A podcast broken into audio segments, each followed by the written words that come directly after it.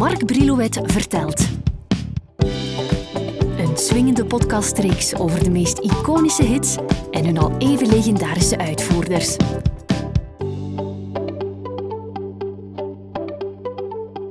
Het gebeurt niet elke dag dat je bij Raymond van het Groene Woud langs kan gaan om met hem te praten over zijn muzikale hoogtepunten. De man leeft daarvoor uh, teruggetrokken genoeg om het als een eer te mogen vinden wanneer hij dan toch eens ja zegt voor een uitgebreide babbel. Raymond is niet alleen muzikaal een uh, soort duizendpoot, een soort chameleon, maar ook qua karakter en qua moods, vermoed ik. Gelukkig kon ik met hem praten, los van welke promotie rond welke nieuwe plaat dan ook. Het werd een soort koffieklets, maar ernstig genoeg om een betere kijk op hem als mens en vooral op zijn intussen tot klassiekers uitgegroeide songs te krijgen. Ik zou zeggen, doe net zoals wij, zo meteen ga rustig en relaxed bijzitten en geniet van deze toelichting door de maestro hemzelf. In 1976 gaat Raymond, dat vertelde ik vorige keer al, zijn vroegere compaan Erik van Eygen steunen wanneer die hem vraagt zijn eerste titeloze LP te produceren, verschenen op het Passive label, waarop twaalf liedjes, met onder meer Eriks versie van Bleke Lena en Voorts Vandaag, vergeet voor haar en alleen jou aan mijn zij. Dat jaar zien we Raymond ook driftig aan het werk tijdens de Gentse feesten, waar hij het publiek aan zich weet te binden met nummers als Gelukkig zijn en Bierfeesten. Een jaar later wordt het album Nooit meer drinken gereleased in een productie van Jean Blaute en met de muzikale steun van zo'n veertien muzikanten. Niet niks en daardoor ook een behoorlijk dure productie. Ja, maar er was een de vaste kern was eigenlijk vier. Dat was uh, Jean, producer en muzikant. Stoy Stoffelen, maar die werd toen nog niet 100% safe geacht als drummer in de studio. Dus die had minimaal een dubbelganger aan uh, Jean-Pierre Onderhout, die eigenlijk het levendeel heeft gedaan. En dan was er nog Michel Belen op bas. En de rest, wie dat dan ook waren, die, dat waren toevoegsels. Ja, dat is gewoon een luxe. Al stond ik daar natuurlijk niet bij stil toen. Ik was soms zelfs een beetje uit mijn lood als er een indringer was. De... Mag ik dan eens even vragen? Ik noem dat dan de ear candies, hè, snoepjes voor het oor, die invullertjes. Zei Jean dan, hier moet dit komen of dat? Ja, ja Jean bepaalde dat, ja. Een, een uh, Amerikaanse gitarist, Kevin Mulligan, die kon... Jean wist dan dat hij goed uh, funky kon spelen. En dan werd hij er daarvoor bij gevraagd. Ja, en daar krijgen we dan de de van het Groenewoud te horen. Ja. Meisjes. Een gil, een schreeuw, een jel. Ze maken ons kapot, meneer, alsof je vrouwen haat. ja, maar zo interpreteer ik het niet. Hè. Maar, ik begrijp wel dat iedereen het anders interpreteert. Maar nu schrik ik voor wel hoor, als jij dat zo zegt. Ze maken ons. Als je dat begint, dan denk je. Die houdt niet van vrouwen. Ah, ik hoor juist, juist wel. De, de, ze staan zo centraal in, mijn, uh, in wat ik naar voren wil brengen, dat dat eigenlijk voor mij al betekent dat ze. Enfin, het betekent niet noodzakelijk dat ik van ze hou, maar ze, ze zijn zo belangrijk, op zijn minst. Ik was zeker aan die schreeuw toe, want ik was zelf fan van een schreeuwer als Don Lennon. Ik, ik, voor mij is dat die, uh, die noodzakelijke uiting van levenslust. Ja. Hm. En dan kon je niet gewoon zingen? In een lange noot bijvoorbeeld? Het moest geschreeuwd worden. Ik heb er nog bij stilgestaan zelfs. Of hoe ik het moet doen. Maar omdat je dat zegt, het is pas druppelgewijs dat ik eigenlijk besef dat ik misschien de longen er niet voor heb om een noot lang aan te houden. Want daar heb ik wel eens bij stilgestaan. Ik, eh, mijn manier van de dingen brengen is altijd uh, een snelle aaneenreiging van lettergrepen. Een keer roepen, maar nooit een noot lang zingen. Maar zoals ik zeg, dat begin nu pas te dagen. maar was dat een ingeving van tijdens het componeren of in de studio? Ik wist hoe de muziek moest zijn om te beginnen. Dus ik heb heel lang rondgelopen met alleen maar een akkoordenstructuur. Ik heb veel teksten verworpen, ik weet niet eens meer de welke. En ik lag in bed en ik, ik hoorde die kreetmeisjes. Dus ik, uh, daarvoor moest ik niet eens uh, in repetitievorm bezig zijn. En dat ben ik gaan opzoeken, wat ik daar in een visioen voor het slapen gaan had opgemerkt. Dat ben ik gaan opzoeken later, uh, de volgende dag.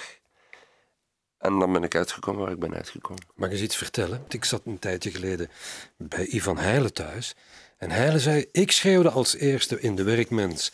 En de wilde boerendochter en Raymond durfde het vanaf dan ook. Maar dat is pretentieus gedacht, denk ik. Dat vind ik ook wel pretentieus. Dat is, enfin, ik weet niet waarom mensen daar behoefte aan hebben. Maar ja, Goed, maar ik om zich vertel de het eerste te noemen op die, hè, dan, dan de andere het nadeed. Maar dan weet je Ja, tenminste. hè? ja daar kijk je van op. Ik zat compleet in de, in de wereld van Beatles, Stones. eh, Dus John Lennon een beetje. ja, dat, dat, dat, dat zie ik wel voor me. Dan is het wel met eh, een tiental jaren vertraging. Nee, meer. Meer dan tien jaar vertraging. Maar dat vind ik toch... Daarin zie ik de, de- zo zie ik de ketting lopen. Je bent ook de jongen van de frivole, de blije, de plezante liedjes. Hè? Niet dat meisjes dat niet is. Italianen. Ja. Racistisch, niet racistisch? Nee, het zijn clichés bij elkaar geraapt, maar het is gebaseerd op een, op een wetenswaardigheid van de producer Roland Verloven. Ik zat soms nog, toch nog in studiosessies als eh, studiomuzikant. En Ro- Roland doet dat ook wel graag hoor. Die muzikanten, die, die jongelingen een keer laten weten hoe het eigenlijk zit. En hij zei, de beste melodieën zijn stevast door Italianen geschreven. Trek maar na. En dan het voorbeeld dat toen gegeven werd was eh, It's Now or Never. Het was eigenlijk dus O Sole Mio en van een Italiaan. En op een dag dat ik thuis zat en wist dat ik een LP moest volschrijven, dacht waar zullen we het vandaag een keer over hebben? Ik, wou een, ik denk dat ik in elk geval een keer een melo- melodieus nummer wou hebben, om niet alleen maar van die half gescandeerde rocknummers te hebben. En toen ik begon met de melodie, toen dacht ik terug aan Roland Verloven en had ik gelijk een thema voor een tekst. Daar ging ik het over I- eh, de Italianen hebben zin voor melodie. Maar ja, dat waren maar twee zinnen. Toen dacht ik, wat nu? Dan dacht ik eraan, weet je wat, laat ik een keer eh, alle clichés over Italianen bij elkaar scharrelen en zien hoe ver ik dan sta. En toen had ik wel eh, na een tijd wel genoeg voor drie strofes. Zit daar jouw liefde voor Venetië al in vertaald? Ehm, dat is dan louter toevallig. De... Nee, zoals ik zeg, eh, de... eenmaal dat je opgestart bent, eh, komt de invulling als vanzelf. Eh, er zullen wel mandoline bij zijn, maar of dat nu Jean was of ik, die vonden dat het erbij moest zijn. In elk geval, het is er dan bij. Ik zat eh, bij Roland Verloven en ik vroeg hem: wie is jouw idool? Hij zei: Raymond van het Groenewoud. Die man heeft alles. Dat vind ik een mooi compliment van iemand van zijn eh, allure. Hij meende het echt, hè? Hij zegt: die man, dat is mijn idool. Die heeft muzikaal. Die schrijft. Oh nee, hij zei: die zegt in vijf zinnen wat ik in honderd liedjes niet heb kunnen zeggen. Ja. Ik wist dat hij eh, apprecieerde wat ik soms gezegd kreeg in tekstregels. En, maar ik vind het toch... eh allee, ik vind het, dat doet deugd. Het doet echt deugd van zo iemand. Bij deze. Na het Humorfestival in Heist in 78 worden de Millionaires, wat een naam is van hier tot kan niet op, tot de centimeter. Eh, jullie Ja. spelen ook op Rock Torhout. Is dat een droom? Was dat een droom toen? Toen je daar stond? Toen niet meer, denk ik. Het is ook wel zo dat, dat, dat we eigenlijk het, de geboorte hebben meegemaakt. Hè? Want dat jaar, ik weet niet welk jaar je nu bedoelt, maar op twee jaar tijd was het, was 78. het eerst Woodland en dan eh Rock uh, Torhout. En dan verbonden met Werchter. Maar in die sfeer waarin we toen zaten, toch al een bepaalde vorm van zelfgenoegzaamheid, vonden we het toch ook normaal, met de status die we hadden in Vlaanderen, dat we daarop figureerden. En we hebben zelfs eh, Figureren is bescheiden. ja, ja, we hebben zelfs eh te kampen gehad met het imperialisme, zoals dat eh, soms genoemd wordt. Omdat er op de, het tweede jaar waren we wereldberoemd in Vlaanderen. En had ik zo aan mijn manager laten verstaan dat dat wel mocht gehonoreerd worden met een chique plaats op de affiche. Waar de organisator het ook mee eens was, waren het niet dat midden in de strijd zo van die Amerikaanse pipo's kwamen zeggen dat hun poulains na mij moesten en niet voor mij. Maar dat, dat kon niet.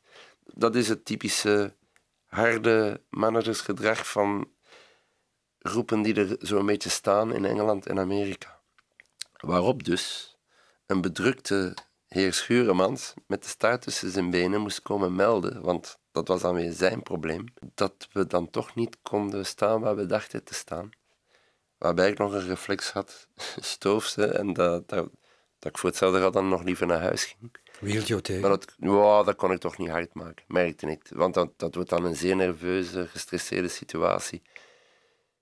Maar we, ik had, dat duid ik hem niet in kwade, maar ik had geen manager die daar tegenop kon. Dat soort eh, getouwtrek.